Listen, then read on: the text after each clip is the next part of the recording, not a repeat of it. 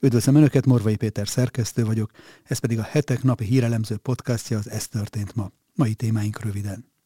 Donald Trump szerint Putyin sohasem támadta volna meg Ukrajnát, ha Biden nem provokálja erre. Szintén a jelenlegi és a volt elnökkel kapcsolatos a következő hír, miszerint ugyanaz történt most Joe Bidennel, mint ami miatt egy éve tavaly hatalmas razziát tartottak Trump birtokán. Ugyanis, hogy hogy nem, minősített iratokat találtak a jelenlegi elnök korábban alelnökként használt irodájában. Szélsőséges időjárás sújtja Kaliforniát. Sztárokat és milliárdosokat telepítenek ki az áradások miatt. Harry Herceg otthona is veszélyben van. Új polgárjogi mozgalom vagy irányított anarchia. Mit kell tudni a Black Lives Matter mozgalomról, amelynek erőszakos akciói megdöbbentették a nyugati világot. Folytatódik a leszámolás Iránban. Halára ítéltek három tüntetőt, egy focistát pedig 16 hónapos börtönre, mert állítólag rendőröket öltek. Önök a január 10-i adást hallják, a nap legizgalmasabb híreit és aktualitásokat a hetek válogatásában, amelyeket a videónk leírásában szereplő linkeken el is olvashatnak, csak úgy, mint a hetek.hu oldalon. Köszönjük, hogy már több mint 16 ezeren feliratkoztak a YouTube csatornánkra, és hogyha esetleg ezt nem tették volna még meg, kérem csatlakozzanak, hogy biztosan értesüljenek a legfrissebb tartalmainkról. Akik pedig szeretnék támogatni további podcastjaink elkészítését, a videó alatti sávban található köszönet gombon tudják ezt megtenni tetszés szerinti összeggel. Előre is köszönünk minden felajánlást, és természetesen a megtekintéseket is. Nézzük akkor témáinkat részletesebben. Donald Trump szerint Putyin sohasem támadta volna meg Ukrajnát, ha Biden nem provokálja erre. A volt elnök ismét megszólalt az orosz-ukrán háború kapcsán, és ezúttal arról beszélt, hogy szerinte Joe Biden felelős azért, hogy Vladimir Putyin tavaly februárban megtámadta Ukrajnát. Itt van ez az ember, mondta Trump, akinek teljesen elment az esze. Ez a fickó az, aki helyettünk tárgyal. Emberünk sikeresen meggyőzte Putyint, hogy vonuljon be Ukrajnába. Ha megnézzük, milyen pszichológiát is alkalmazott, nos, mindennek pont az ellenkezője valósult meg, mondta Trump Biden tavaly januári nyilatkozatáról, amelyben Putyin esetleges ukrajnai terjeszkedésére mint kisebb behatolásként utalt.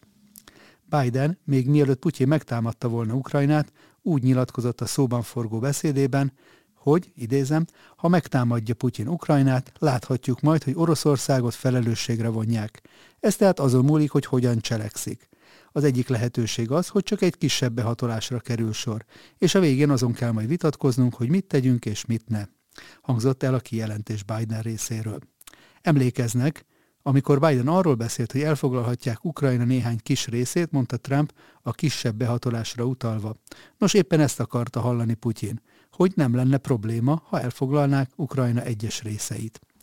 Trump leszögezte, hogy szerinte Putyin soha nem hatolt volna be Ukrajnába, ha Biden előbbi szavai nem hangoznak el, és azt is megjegyezte, hogy az amerikai elnök végig tisztában volt a következményekkel.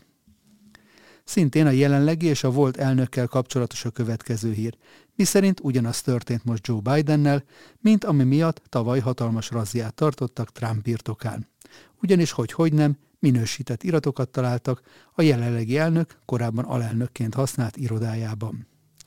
Az amerikai igazságügyi minisztérium vizsgál több minősített jelzéssel ellátó dokumentumot, amelyeket Joe Biden elnök még hivatali idejét megelőzően használt irodájában találtak novemberben, közölte a Fehérház.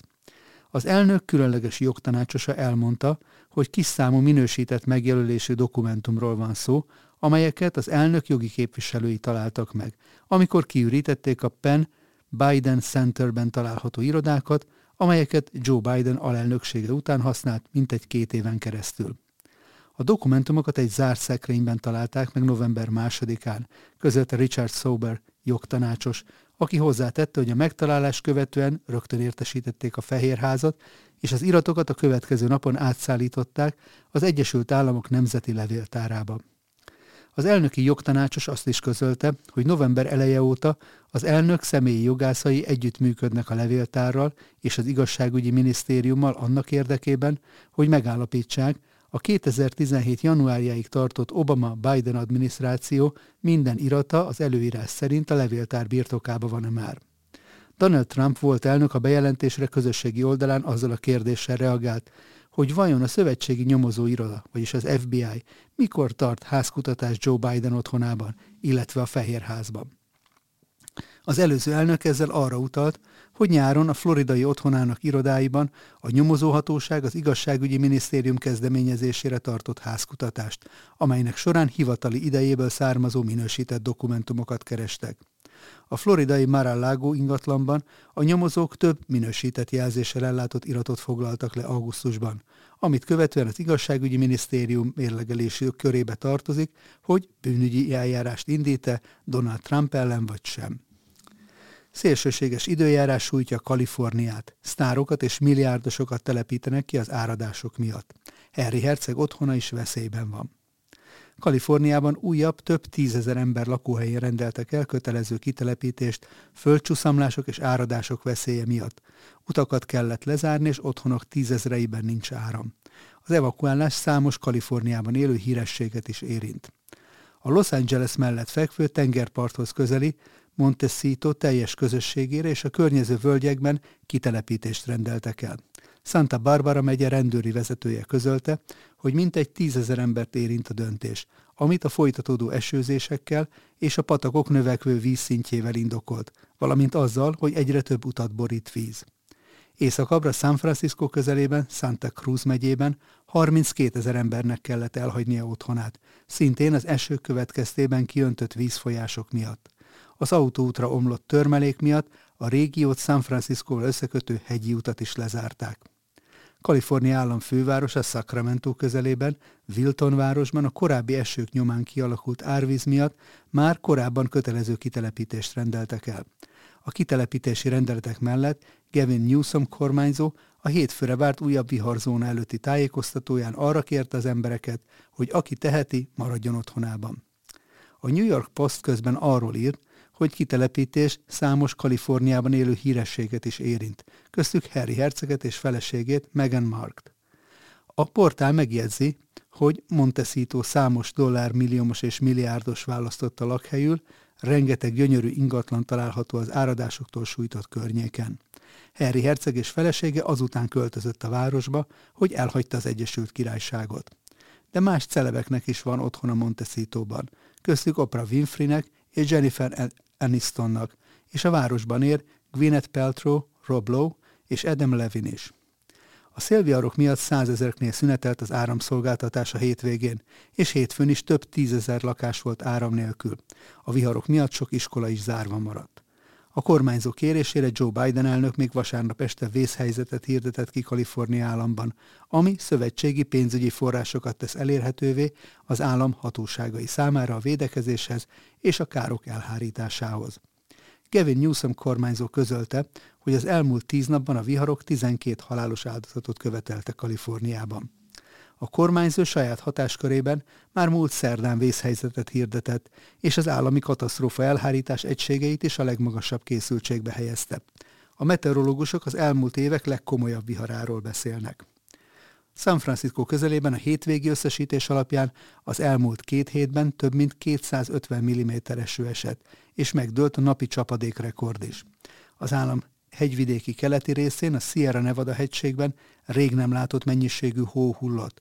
A keleti Sierrában december 26-a óta már három métert meghaladó hó esett.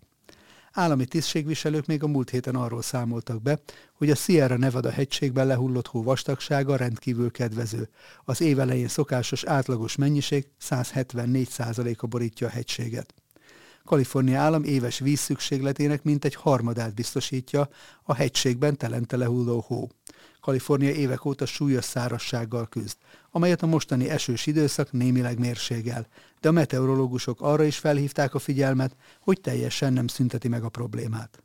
Merkley Ralph, a Nyugati Időjárási Központ igazgatója úgy nyilatkozott, hogy a rég nem látott esőzéseket atmoszférikus folyók sorozata okozza, ami a légkörben kialakult nagy nedvességtartalmú légtömeg.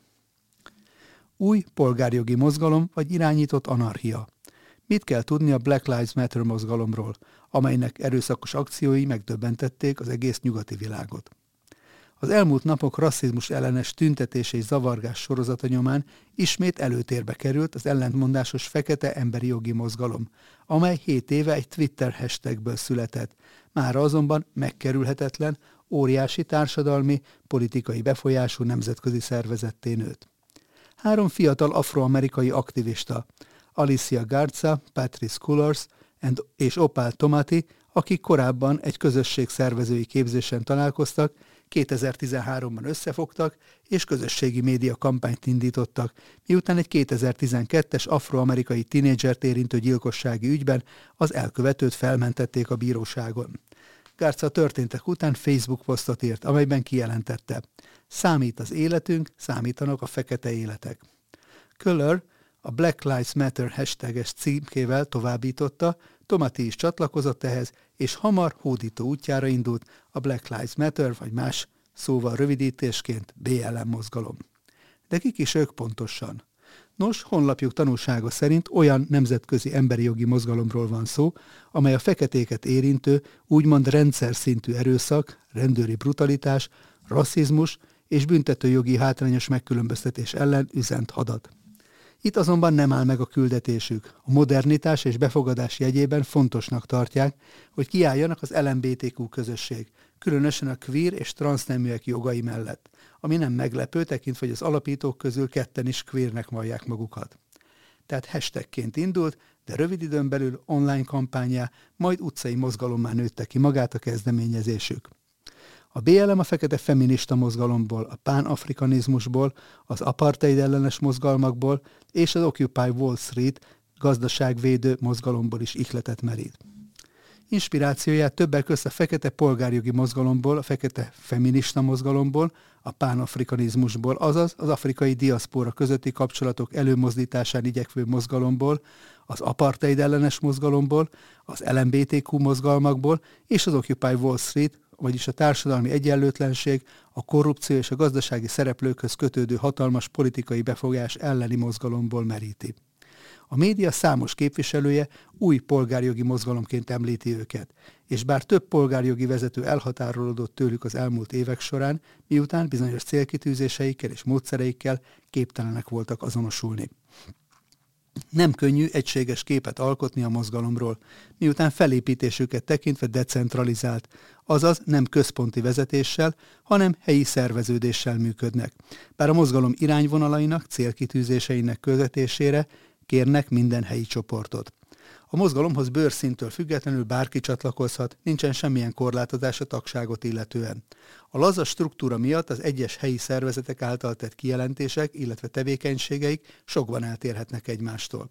A vandáloktól és fosztogatóktól például a szervezők igyekeznek elhatárolódni. De nézzük meg, milyen ideológia húzódik a szervezet mögött. A Moment for Black Lives, M4BL ernyő szervezet alá tartozó Black Lives Matter aktivistái számára számos progresszív, liberális irányelvet vonultat fel honlapján, többek között a testvériség és az egyenlőségért folytatott harc mellett a sokszínűséget, globalizmust, a fekete, trans, queer büszkeséget és a restauratív igazságszolgáltatást hirdeti. Nyilatkozataikból azonban az is kiderül, hogy erősen szabályoznák a fegyvertartást, valamint a Defund Police vagyis vonjuk meg a támogatást a rendőrségtől címkével, a rendőrséget érintő gazdasági szankciókért is kampányolnak, hogy úgymond a rendszer szintű rasszizmust felszámolják az igazságszolgáltatásban.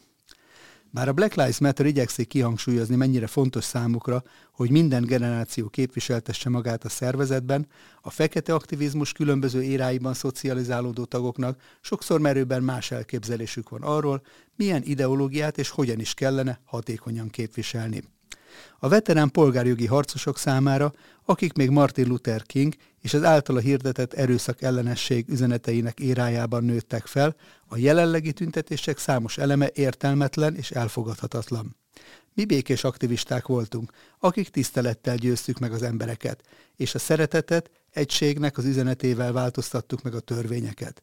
Úgy tűnik, hogy a BLM elutasítja a bevált módszereinket, és figyelmen kívül hagyja, hogy mit is tanított nekünk a történelem.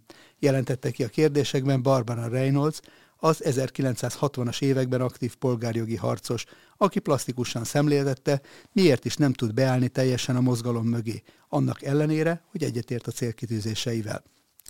A baby boomerek, akik sikerre vitték a polgárjogi mozgalmat, szeretnének beállni a Black Lives Matter mozgalom mögé, de a csoport konfrontációs, megosztó taktikája igazán megnehezíti ezt. Az 1960-as években az aktivisták a fehér gengekkel és a rendőrséggel méltósággal és illendően szálltak szembe. Időnként vasárnapi elegáns ruhába öltözve, térden imádkozva a tüntetések alatt, hogy világossá tegyék, ki a gonosz és ki is a jó a történetben. A mai demonstrációk során azonban rendkívül nehéz különbséget tenni a legitim aktivisták, illetve a gyújtogató, fosztogató csőcselék között. A tüntetések gyűlöletbeszéddel, profanitással párosulnak, tette hozzá Reynolds. Bizonyos Black Lives Matter aktivisták szerint azonban nem alkalmazhatják a múlt stratégiáit a jelen megmozdulásaiban, hiszen erős ellenállás érezhető azon személyek és módszerek felé, amelyek üzenete úgymond nem működött. Bár a közösségi médián indult a kezdeményezés, számos módon igyekszik üzenetét eljutatni az emberekhez. A Facebookon, Twitteren továbbra is pörögnek a hashtag kampányok, mémek és rendőri brutalitásról készült videók megosztásai, azonban egyre sűrűbben vonulnak BLM aktivisták az utcákra tiltakozásokkal, felvonulásokkal, ütős politikai szlogenekkel, olyanokkal, mint hogy fel a kezekkel ne lőjetek, egy afrikai, afroamerikai áldozatnak, Michael Bramnak tulajdonított mondattal, hogy nem kapok levegőt, vagy pedig ilyen jelszavakkal, mint az erőszak a fehérek csendje, nincs igazság, nincsen béke, vagy a fiam lesz a következő. Nos, ilyenek megjelenítésével harcolnak a célkitűzéseikért. Mindemellett mozgalmi zenei számok, például Michael Jackson They Don't Care About Us, vagy Kendrick Lamar Alright című dalával, és számos dokumentumfilm is üzenetüket hivatott populáris stílusban elvinni minél nagyobb tömegekhez. A mozgalom 2014. augusztusában robbant be igazán a köztudatba, miután a Missouri állambeli Fergusonban egy fehér rendőr lelőtte a 18 éves afroamerikai Michael Brown-t. A Freedom Ride megmozduláson több mint 500-an vettek részt. A jelenlévő csoportok közül azonban a Black Lives Matter kitűnt, mint a legjobban szervezett és legláthatóbb csoport. Rövidesen egész Amerikában elismert mozgalommá vált. A megmozdulás palesztin aktivisták figyelmét is felkeltette. Twitteren látták el tanácsokat a BLM aktivistákat, mit tegyenek a könyvgázos oszlatás ellen, illetve igyekeztek felhívni a figyelmüket az izraeli fegyveres erők állítólagos brutalitására és az amerikai rendőrség közötti hasonlóságra, valamint a köztük fennálló kapcsolatokra. 2016-ban már szinte megmagyarázhatatlan és megszámlálhatatlan mennyiségű demonstrációt szervezett a mozgalom. Az év kiugró eseménye mégis a nemzeti himnuszhoz kötődik. Ekkor történt meg ugyanis, hogy az azóta sokak szemében ikonná váló Colin Kaepernick, a San Francisco 49-esek futballjátékosa nem volt hajlandó állva tisztelegni az amerikai zászló előtt, mondván, nem fogok felállni és büszkének lenni egy olyan ország zászlajára, amely elnyomja a fekete és a színes bőrű embereket. Colin húzása vegyes fogadtatásban részesült. Sokan ünnepelték, mások azonban szégyennek tartották, hogy nem tiszteli meg azt, amiért annyian az életüket áldozták. Az utcák mellett fontosnak tartották, hogy amerikai egyetemi kampuszokon, illetve a politikai porondon az elnökválasztási kampányban is kifejtsék tevékenységüket. Az eddig nem látott méreteket öltő Black Lives Matter tüntetések a világ számos országába eljutottak, több helyen zavargásokkal, vandalizmussal, rendőrgyilkosságokkal, fosztogatásokkal és gyújtogatásokkal kísérve. A fekete tavasznak keresztelt folyamat során Ausztrália, Kanada, Új-Zéland, Németország, Franciaország, Belgium és az Egyesült Királyság után hazánkat is elérte a mozgalom. A mozgalom számos baloldali szervezet, többek között a Soros Györgyféle Open Society Foundation, illetve a Ford Foundation és a Borealis Philanthropy szervezetek támogatását élvezi, amelyek 2016-ban 100 millió dollárt adományoztak a Black Lives Matternek. Érdekes módon éppen abban az évben, amikor jelentős politikai aktivitásba kezdett az amerikai elnökválasztási kampány keretein belül. A szervezetet polgárjogi vezetők, konzervatívok és keresztények részéről számos kritika éri, és szép számmal indulnak úgynevezett ellenmozgalmak, a BLM által képviselt bizonyos ideológiai irányvonalak és valós problémákra adott válasz, többek között károsnak ítélt válaszai ellenében. Az All Lives Matter, tehát magyarul minden élet számít, mozgalom hívei amellett foglaltak állást, hogy nem kívánnak kiemelni egyetlen népcsoportot sem. Minden emberi élet fontos, minden személy igazságos, egyenlő elbánást és tiszteletet érdemel. A Blue Lives Matter a rendőrséget kollektívan elítélőknek és kriminalizálóknak kívánt üzenni, mondván az általánosítás minden irányban veszélyes. A rendőrség ugyanis igencsak fontos és veszélyes munkát végez, ezért lényeges mellettük kiállni. Többen a szervezet számos aktivistája által a privilegizált fehérekre irányuló gyűlöletet is elítélték, illetve a szervezethez kötődő antiszemita, Izrael ellenes állásfoglalásokkal kapcsolatban is komoly agályokat fogalmaztak meg.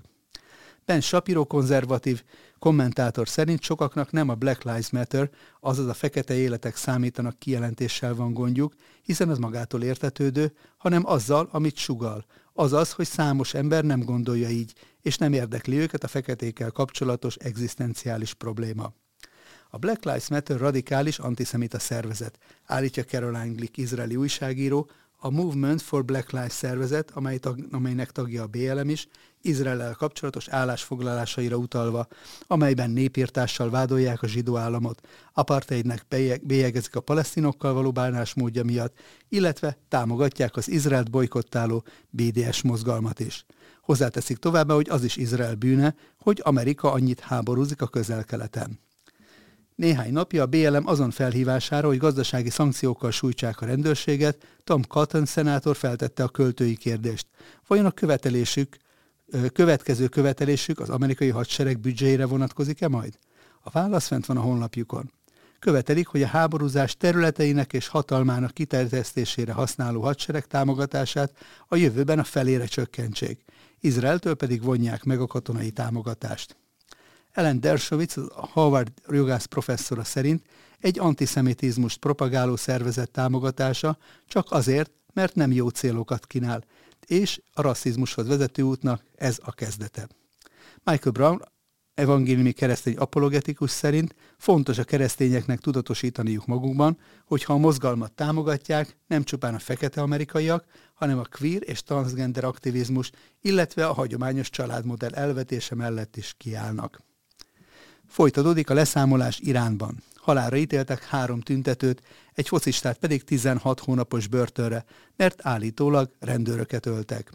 Amir Nasser Adzani futbalistát és három másik tüntetőt bűnösnek talált egy iráni bíróság Isten ellen elkövetett harc vágyjában, amiért Iránban halálbüntetés jár.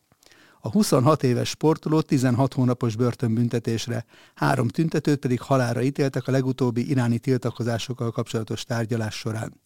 A négy vádlott állítólag tavaly novemberben megölt Isfahanban három hatósági személyt egy tüntetés során. Nasser Azardani bevallotta a bűncselekmény elkövetését, de a helyi sajtó szerint a vallomástételre kényszerítették, a családját pedig megfenyegették, hogy ne beszéljenek. Három másik tüntetőt halára ítélt a bíróság, de nekik lehetőség van fellebbezni a legfelsőbb bíróság előtt. A focista volt csapattársa abszurdnak nevezte a pert és az ítéletet. Amir személyiségét ismerve részt, részt vett a tüntetésen.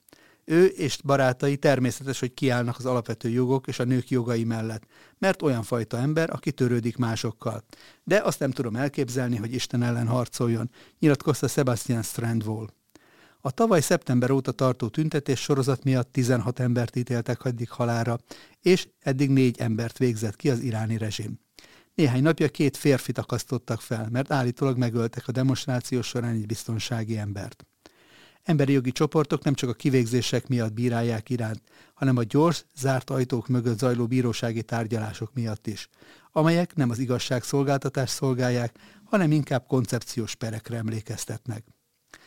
Egy iráni emberi jogi szervezet adatai szerint tavaly szeptember óta 517 tüntető veszítette életét a tiltakozások közben, és több mint 19 ezer demonstrálót letartóztattak az iráni hatóságok.